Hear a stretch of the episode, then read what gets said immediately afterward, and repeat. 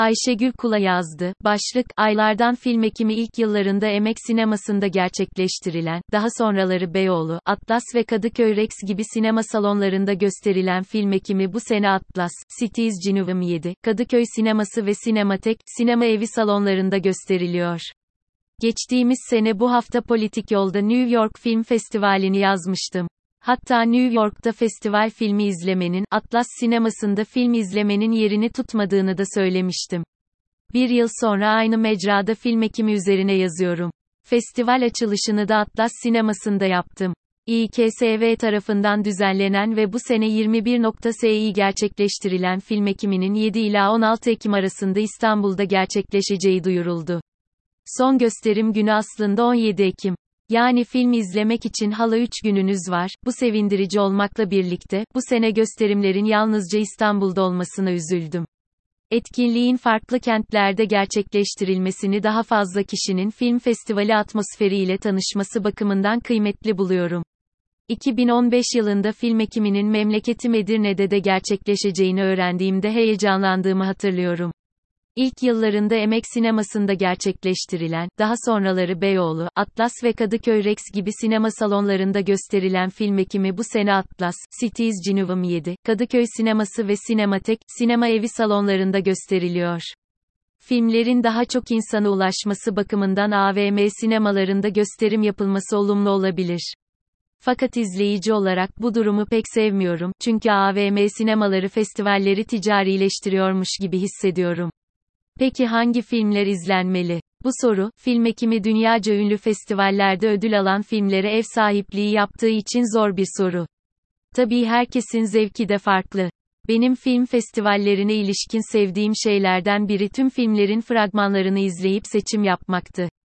Filmlere ulaşabileceğiniz internet adresini de burada paylaşıyorum. 1. Üniversiteden mezun olduğumda bu yöntemi bıraktığımı ve sinema yazarlarının bloglarında paylaştıkları önerileri okuyarak film seçtiğimi itiraf etmeliyim.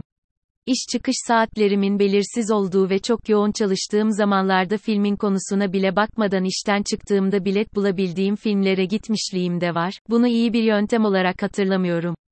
Bu sene yine blog önerileri doğrultusunda programımı yaptım. Şu ana kadar ayrılma kararı, aile bağları, menü ve beyaz gürültü filmlerini izledim. Sinema eleştirmeni olmadığım için anlamlı bir yorum yapamam ama bir seyirci olarak tüm filmleri öneririm. Bir sıralama yapmam gerekse ayrılma kararı filmini en üste koyarım. Bu film, 2022 Cannes en iyi yönetmen ödülünün de sahibi. Bu arada, Beyaz Gürültü, New York Film Festivali'nin bu sene açılış filmiydi. Yarın ise Kadıköy'de James Gray'in Armageddon Time filmini izleyeceğim. Film festivallerinde yapmayı en çok sevdiğim şeylerden biri de filmleri art arda izlemek. Böyle yapınca festivalde olduğumu daha çok hissediyorum. Geçtiğimiz pazartesi de Menü ve Aile Bağları filmlerini bu şekilde izledim. Fakat biraz yorucu oldu. Sanırım bu aktiviteyi haftanın en yoğun günlerinden olan pazartesi yerine hafta sonu yapmak daha doğru bir karar olurmuş.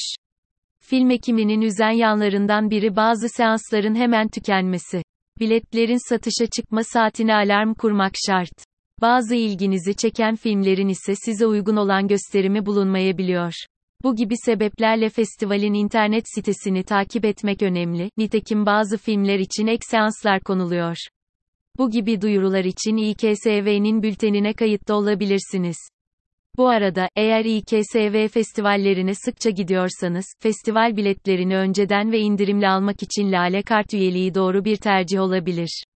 Amacım reklam değil, Kırmızı Lale Kart üyesi olmanın karşılığını aldığımı düşündüğüm için sizlerle de paylaşmak istedim. Film izlemek güzel de pahalı mı?